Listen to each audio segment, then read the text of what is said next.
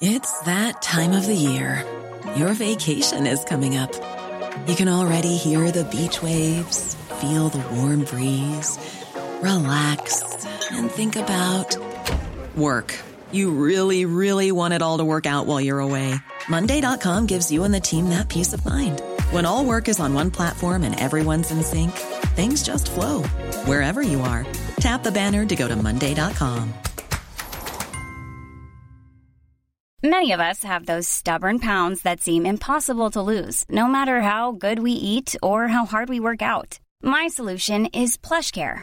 PlushCare is a leading telehealth provider with doctors who are there for you day and night to partner with you in your weight loss journey. They can prescribe FDA-approved weight loss medications like Wagovi and Zepbound for those who qualify. Plus, they accept most insurance plans. To get started, visit plushcare.com slash weight loss. That's plushcare.com slash weight loss.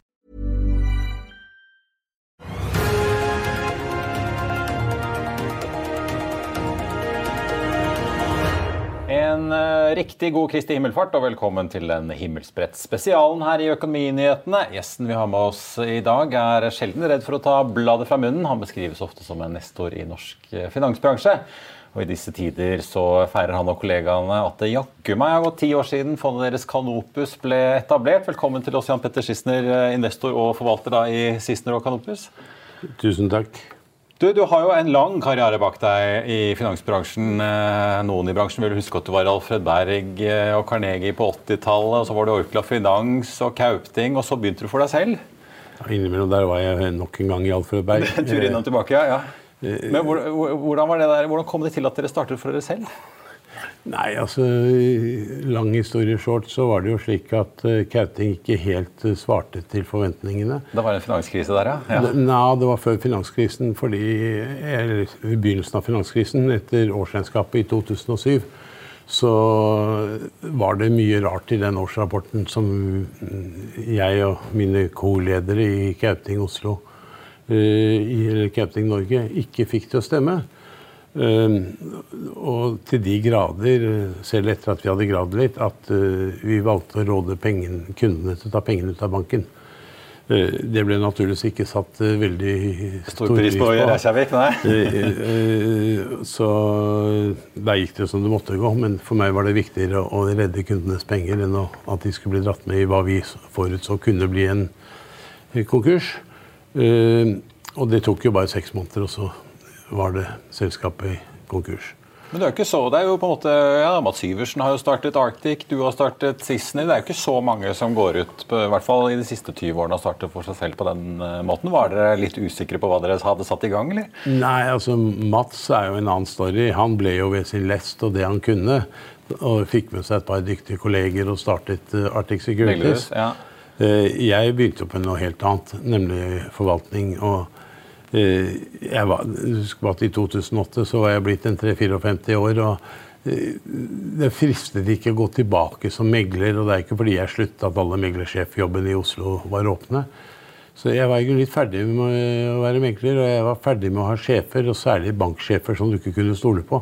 Dette var jo andre gangen jeg ble tatt i hekken av noen banksjefer. Første gangen var i Alfred Berg AB Namro, hvor vi jo løftet opp Namros kan si, meglervirksomhet å være toppranket, topp tre-ranket i Europa. Og så bestemmer banken seg for ikke å ville betale, og sparker hele ledelsen i London og fryser meg ut. Så jeg var i grunnen ferdig med uforutsigbare banksjefer. Dere har jo et fond hvor dere er kjent for å ta store short-posisjoner, som vi skal snakke om. Dere står ganske fritt. Har dere lagt dere på den linjen hele veien, eller har det kommet litt til underveis? Nei, altså vi er regulert av det som heter USITS. Uh, som i korte trekk da er satt i stedet for, for at du skal kunne invitere privatpersoner inn i fondet. Og da har du en del begrensninger. Ingen av oss skal veie mer enn 10% Summen av de som er over 5 skal ikke veie 40 osv. Så, videre. så du er pålagt en viss spredning. Og så er det også giringbestemmelser. Vi er, har shortet noen ganger, og, stort sett så er det for å hedge oss. Det er veldig sjelden vi shorter rett og slett fordi vi mener aksjer er overvurdert. Det er vel noen unntak dertil, som du sikkert kommer tilbake på. Eh, men stort sett det vi Jeg hadde en del penger, og jeg ønsket liksom å invitere friends and family. og så skulle vi bli litt større, så ville folk ha likviditet, og da startet vi Kanopus. Um, og det som preger oss, er jo at uh, jeg ønsker at folk skal få investert slik jeg ville investert mine egne penger. Uh, og det vil si at vi ønsker å maksimere den risikojusterte avkastningen. Eh, jeg er jo blitt så gammel at jeg har ikke råd til å tape mye penger. For jeg har ingen tid til å tjene dem igjen. Nei, Du vil ikke sitte gjennom en hel liksom, finanskrisesyklus? Og... Eh, jeg kan kanskje det, men hvis jeg skulle tape mye penger i dag, så eh, tiden løper. ikke sant? Man nærmer seg Ris kirkegård. Forhåpentligvis ikke for fort, men jeg tror det er lurt å være forsiktig. Ja, Du tenker ikke som du er 30 lenger? Nei, altså Går du konkurs når du er 30, så har du masse tid til å tjene penger igjen. Går du konkurs når du er 70, så har du ingen tid til å tjene penger igjen. For det er ingen som vil ansette deg. Så du, vi må snakke litt om hvordan disse tiårene har eh, vært. I snitt så har dere levert 12,3 eh, som dere skriver i, på, på, i de siste månedsrapporten deres for april. Ett år i minus, 2018. Ja. Hvordan liksom, vil du oppsummere de ti årene? Jeg syns det har gått veldig bra. Det er klart, jeg startet jo som forvalter litt uerfaren og har fått til å gå en lærekurve underveis. Men jeg tror altså 12,3 eller 12,5 som det er vokst til nå gjennom meg, er en ganske grei avkastning. Vi har slått de fleste indekser det er mulig å sammenligne oss med, som i hvert fall er relevante. Og vi har jo hatt mye lavere risiko. Når det gjelder 2018, så gjorde vi en feil på slutten av året. Vi satset litt på tok av hedgene mot slutten av året, for vi syntes det hadde falt nok. Uh, og så falt jo desember bare helt uh, sønder og sammen. Husker ikke hva det var som trigget det da, men det var en betydelig oljeprisnedgang og usikkerhet i markedet. Uh, og det har vi lært av. Så det er aldri lurt å ta seg fallskjermen. Nei, du beholder den på gjennom juleferien? Ja, beholder den på også gjennom juleferien. Men et av de hva skal vi si, i hvert fall mest volatile årene i hele denne perioden må vel ha vært koronaåret 2020? Ja, eh, og da fikk vi jo liksom vist at modellen fungerer, da. Ja, for Dere hadde en ganske røff start på året, men kom dere veldig utover året. Kan du ta oss litt gjennom eh, 20, hva som skjedde? Ja, Det kan jeg eh, veldig raskt gjøre. 2020 begynte jo for oss da med en liten nedtur. Eh, særlig preget av en aksje som het Tesla. Hvor vi var short. Eh, og selv om vi holdt den stort sett på 3% av porteføljen, så var det kostbart.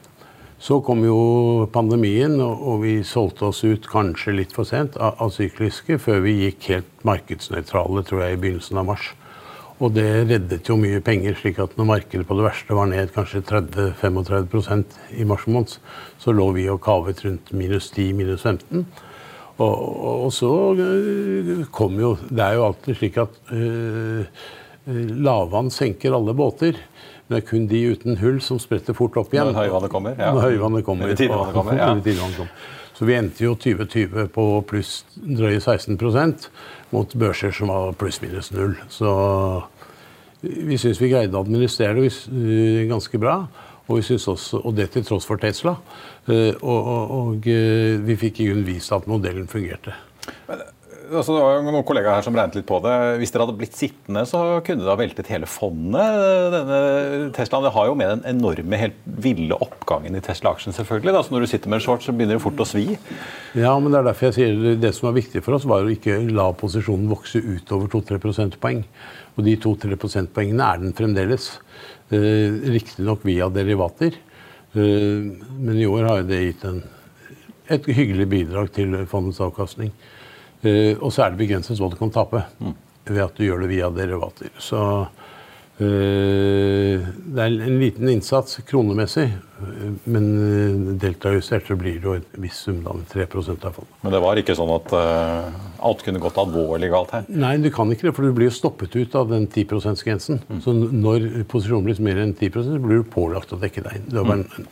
det er sånn, Du har 72 timer eller 48 timer på å dekke deg inn og få den ned under. Men fortell, altså, og nå i år har vi jo også vært, stått midt oppe i et ganske volatilt eh, marked. Dog ikke like dramatisk som eh, for eh, to år siden. Ja. Men fortell litt om altså, hvordan er stemningen på innsiden? Når vi, altså, for to år siden så var det jo helt voldsomme svingninger dag til dag. Som du sa, det virket jo som det var hull i bøtten på enkelte tidspunkter der i, i mars 20. I år har vi også sett voldsomme svingninger dag til dag i enkeltaksjer. altså Store aksjer som Equinor og Hydro kan plutselig svinge 6-8 på en dag.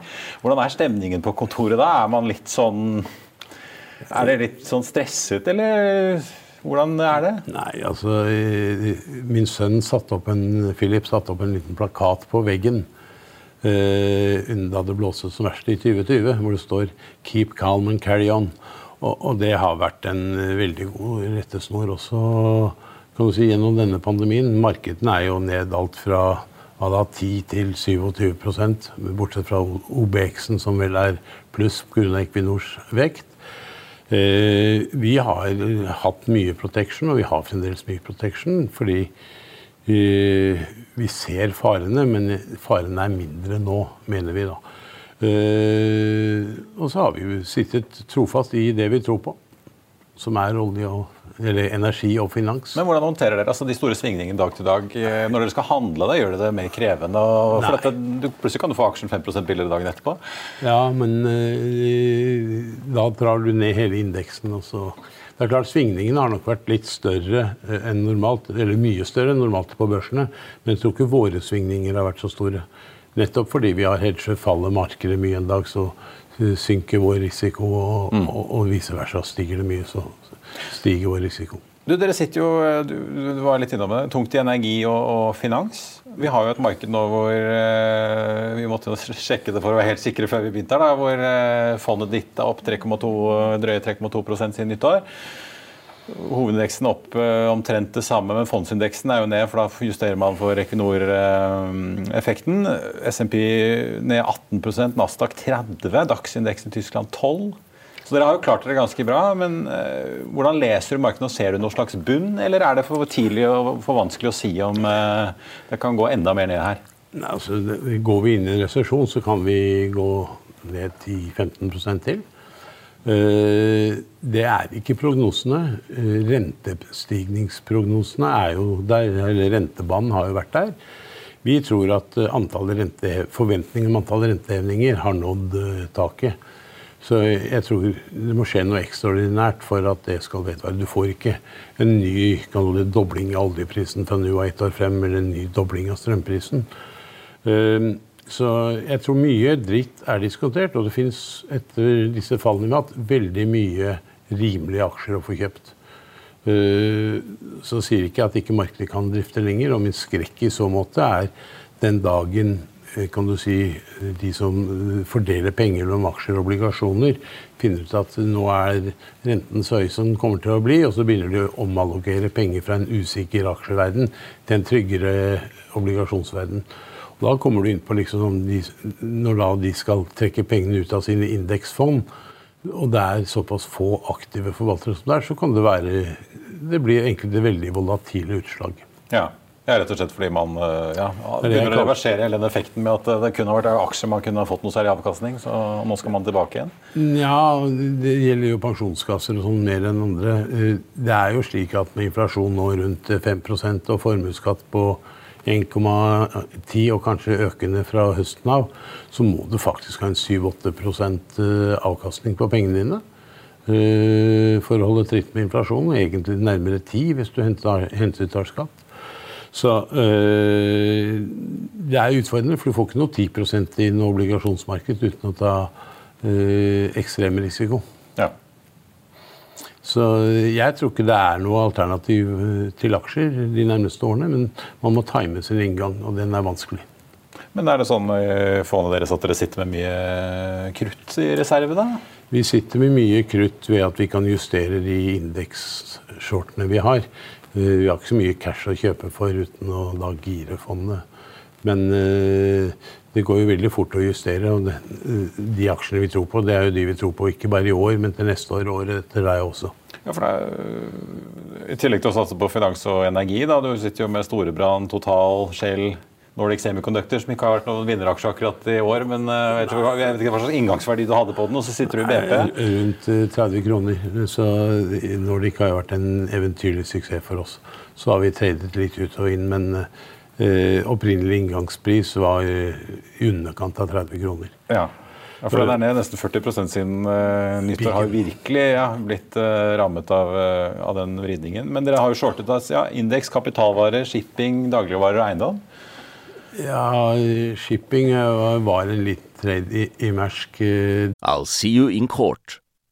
Vi sier det ofte litt på spøk, men for deg som driver business, er det aldri moro å innse at du ikke har laget en 100 gyldig kontrakt.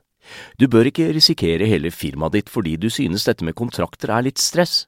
En avtale er ikke en avtale. Du kan miste kunder, miste venner, ja, til og med miste inntekter om du ikke lager en skikkelig kontrakt, på alt mulig, egentlig. Men vi vet det er et styr, kopimaskiner, treg printer og haugevis av papir. Dessuten stoler vi jo på folk her i landet. Det er ofte litt kleint å skulle be om en signatur for alt mulig, ja, for mye av styret handler også om jakten på underskriften. Det finnes en enkel måte å løse dette på, Dukkobit, en trygg, effektiv og get this, gratis måte å sikre seg en god natts søvn pluss en juridisk bindende avtale. Dukkobit-appen har de strengeste sikkerhetskrav i bunn, samt en EU-godkjent og sertifisert teknologi. Framover vil det bli behagelig å spørre du, skal vi skrive under på det, eller? Kom i gang på dukkobit.no. Dagligvare så var vi short i Orkla fra 85 til 75. Mm. Eh, var redde for kan du si, eh, supply chain-problemer og kostnadseskalasjon. Eh, nå tror jeg at det er tatt ut, så vi har nøytralisert posisjonen.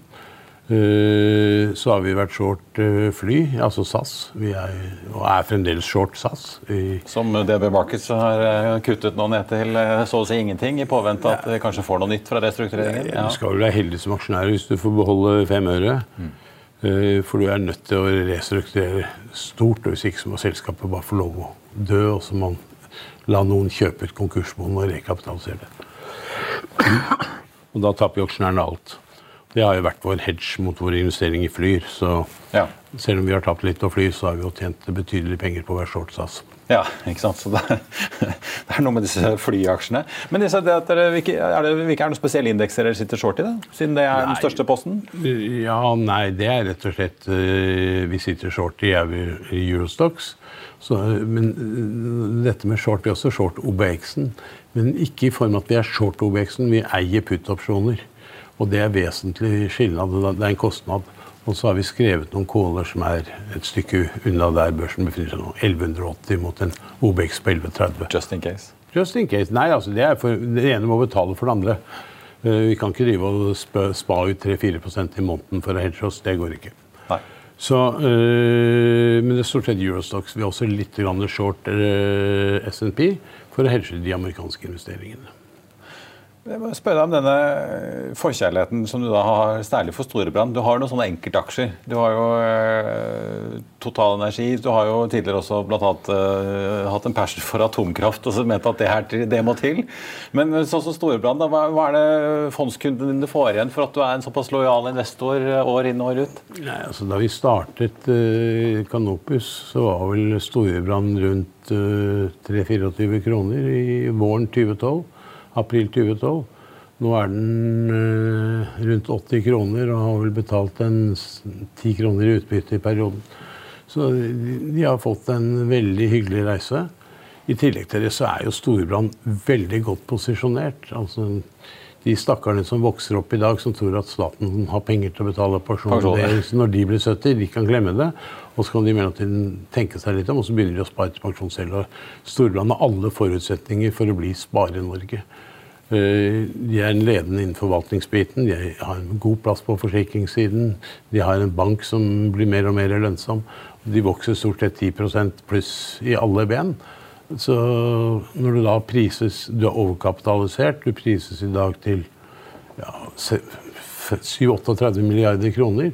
10 milliarder overkapitalisering. De gjenværende 26 genererer overskudd om et par år på 4-5 milliarder.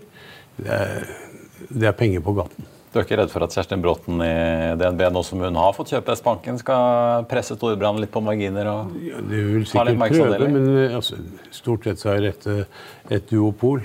Så eh, hvorfor skal man presse man Storebrand, så presser man seg selv. Eh, vi har også aksjer i DNB og, og andre banker, men uh, det er jo slik i vår verden sånn rule of thumb. En kvart prosents renteheving øker EPS-en i bankene med rundt 10 så eh, med de, den banen som nå man forventer, både spesielt i Norge da, og USA, men også i Europa, så mener vi at uh, den implikasjonen det har for fortjenesten til bankene, overhodet ikke er diskontert i dagens kurser. Hvilke andre favoritter har du i tillegg til Storebrand? Innen finans. Mm. Eh, internasjonalt så har vi Intesa og BNP i, Paris. Så har vi litt indirekte hedge i hele europeiske bankindeksen. Her hjemme så eh, er vi i ferd med å bygge opp en posisjon i Sparebanken Rogaland. fordi med vårt syn på energi og fremtidens energibehov i Europa eks-Russland, gjør at uh, det er helt utenkelig at ikke det skal være full aktivitet i Stavanger. Her, her må det lånes til å bygge nye felt? Ja. Her må det lånes til å bygge nye felt, men det er også en ting, aktiviteten rundt Stavanger-området. altså I motsetning til Oslo så har eiendomsmarkedet i Stavanger vært stort sett flatt de siste åtte-ti årene. Så det er mye som taler for den regionen i årene som kommer, og da er Sparebanken Rogaland et uh, et trygt sted, i Sparebank1 som det heter, et trygt sted å sitte. Energihovedstaden, som de nå kaller seg, i hvert fall noen der nede? Ja, det har de vel alle grunn til også. Du, Vi må snakke litt om eh, på slutten her, dere, altså dere som frontfigurer, da, du og sønnen din Filip, eh, dere er jo, ingen av dere er jo redd for å si akkurat hva dere mener eh, på vegne av fondet, enten det er snakk om Eh, fusjoner i laksebransjen, og som dere sitter som eh, aksjonær i NRS, og SalMar ikke ville ha noe fusjon med Salmonor, og du langer ofte ut mot politikere. Ligger det i familieblodet, eller er det en bevisst policy i Sissener at uh, man skal bjeffe litt innimellom? Jeg, jeg tror man skal skille de to tingene. Når det gjelder fond og dets investeringer, så er vi veldig opptatt, og vi var de første faktisk som hadde det i vår presentasjon da vi startet, veldig opptatt av governance. At folk skal opptre ryddig i aksjemarkedet. Vi vil bli sett på som partnere. Og, og øh, forventer å bli sett på som partnere. Når da folk prøver seg med shortcuts, som det gamle styret i NTS gjorde ved å vedta å stemme mot noe de var forpliktet til å stemme for, av rent egoistiske hensyn, da eh, må vi få lov å si fra. Ja, for Vi får bare ta den for de som ikke henger med. Da, at uh, Du gikk jo da inn i NRS som skulle slå seg sammen med Salmonor. Ja. som da, NTS sitter jo da som hovedeier i begge disse selskapene. og Så plutselig skulle SalMar komme inn etter at Marine Harvest hadde gitt seg, og kjøpe hele NTS. og Da ville ikke de ha med av denne fusjonen likevel. og Da oppsto det da en krangel med dere på den ene siden.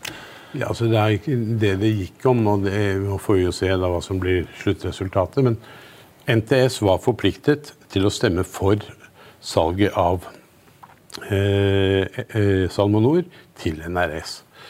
Og med de eh, forutsetningene så kjøpte vi. Så går jo lakseaksjene litt av hengselen, og så kan man kanskje føle at man har solgt det litt billig.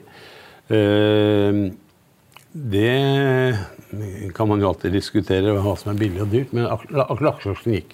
Så kom jo budet fra eh, SalMar som forutsatte at det salget ikke fant sted.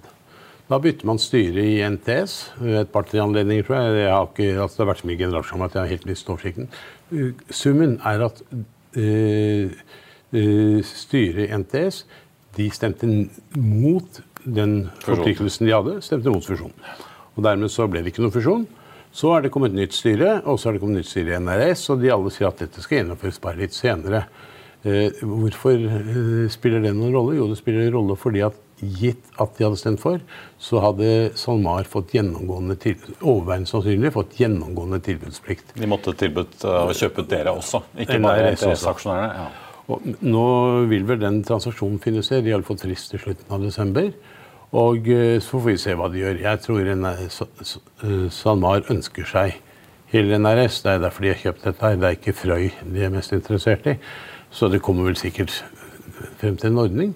Og gjør de ikke det, så skal vi nok få sagt fra hva vi mener. Og vi har foretatt de nødvendige grep for å opprettholde de rettigheter vi måtte ha. Men det er jo litt eh, tilbake til det, altså inngangen til det. Det er jo ikke alle forvaltere som er like lett å få tak i eller like pratevillige hvis de er kritiske til Nei. en transaksjon eller måten en emisjon blir gjennomført på, eller eh, måten styret eller ledelsen agerer på? Nei, de, de Jeg tror det gjelder generelt i samfunnet at folk er redde for å si ifra hva de mener. og What's in it for me?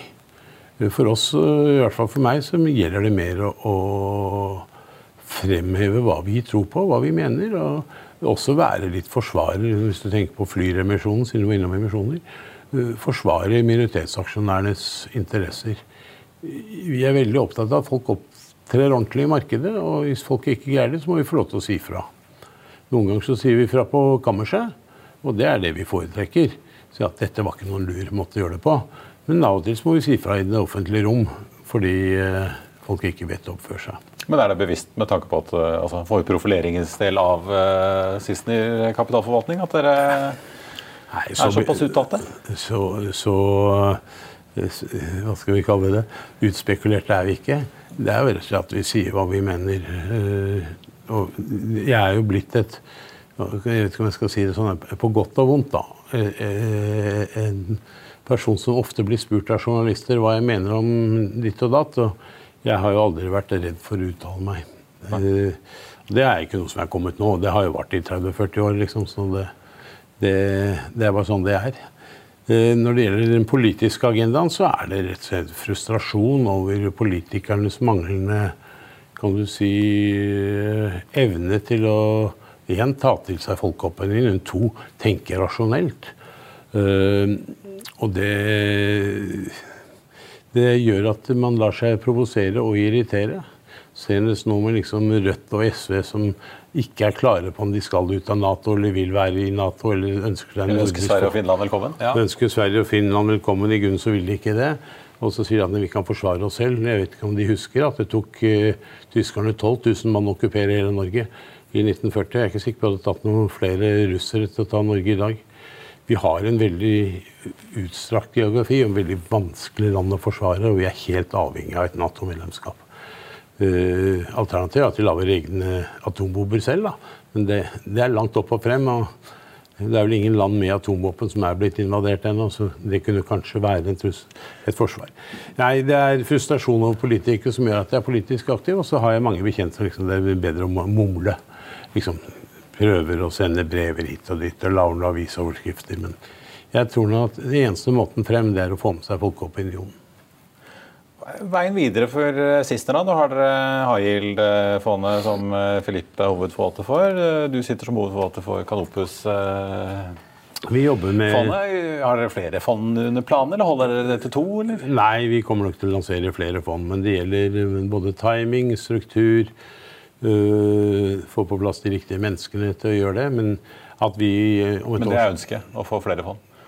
Ja, det er et ønske. Men for å få det lansert på en fornuftig måte, så må vi ha noen founding fathers. Og vi har noen ideer som vi jobber med, og så tar allting litt tid. Men butikken går jo greit med de to fondene vi har. Men vi ønsker jo at kundene skal få et bredere, enda bredere tilbud. Og kanskje for de kundene som syns at de fondene vi har, er vanskelig å investere i type institusjoner. Der, sånn. ja. Pensjonskasser, om de vil gjerne ha long only eller ja. Så får vi se hva vi får til. Men eh, vi er jo en av de få uavhengige forvalterne som er igjen. Og vi har altså absolutt tenkt å fortsette å vokse. Du skal ikke selge butikken med det første? Nei, altså det er, det er jo alltid et alternativ. Men eh, vi trives godt som uavhengige. Hvorfor skal vi selge? Da ja. Nei. Not yet, anyway. Skal vi oppsummere det sånn? Du tror kanskje at det skal for mye til eh, for at bunnen ikke er nådd i markedet? nå? Nei, men jeg tror vi kommer til å drifte hit og dit. Men eh, markedet som sådan Mye dritt er tatt ut. Eh, det er det jeg velger å si. Og så tror jeg man skal være forsiktig, fordi hvem vet hvor Putin sparker? Altså Kjører du en sinna bjørn, russisk bjørn inn i et hjørne, så vet du aldri hvordan han vil komme seg ut. Eh, det er masse usikkerhetsmomenter. Vi har superinflasjon. Men der, i motsetning til hva den økonomiske kan du si, teoriboken sier, så er jeg ikke sikker på at rentehevninger hjelper. Mm. Fordi eh, dette er jo kan du si, tilbudssidedrevet inflasjon. Det er ikke nok tilbud av de varene folk trenger. Særlig energisiden, mm. og heller ikke matsiden. Og, og, det hjelper ikke da å drepe konsumenten enda mer. Skal vi få ned inflasjonen, så er det fremfor alt den offentlige sektor i Norge da, den offentlige sektor som har dempet sitt aktivitetsnivå. Mm. Tenk deg hva de suger av arbeidskraft og materialer og alt mulig rart. Vi får se om ikke oljenæringen klarer å overby de med så gode priser som det er på olje og gass om dagen. Det gjør de nok, men det hjelper ikke mannen i gata. Nei, og ikke den eh, konkurranseutsatte fastlandsindustrien heller. Nei. Jan Petter Sissener i Sissener, takk skal du ha for at du kom til oss, og god uh, Kristi himmelfart. Takk i like måte. Det var det vi hadde for deg i denne omgang. Tusen takk for at eh, du så på. Vi er tilbake her igjen på eh, mandag klokken 14.30. I mellomtiden får du selvfølgelig eh, siste nytt på fa.no. Og alle vi i Finansavisen ønsker deg og dine en riktig god langhelg. Takk for nå.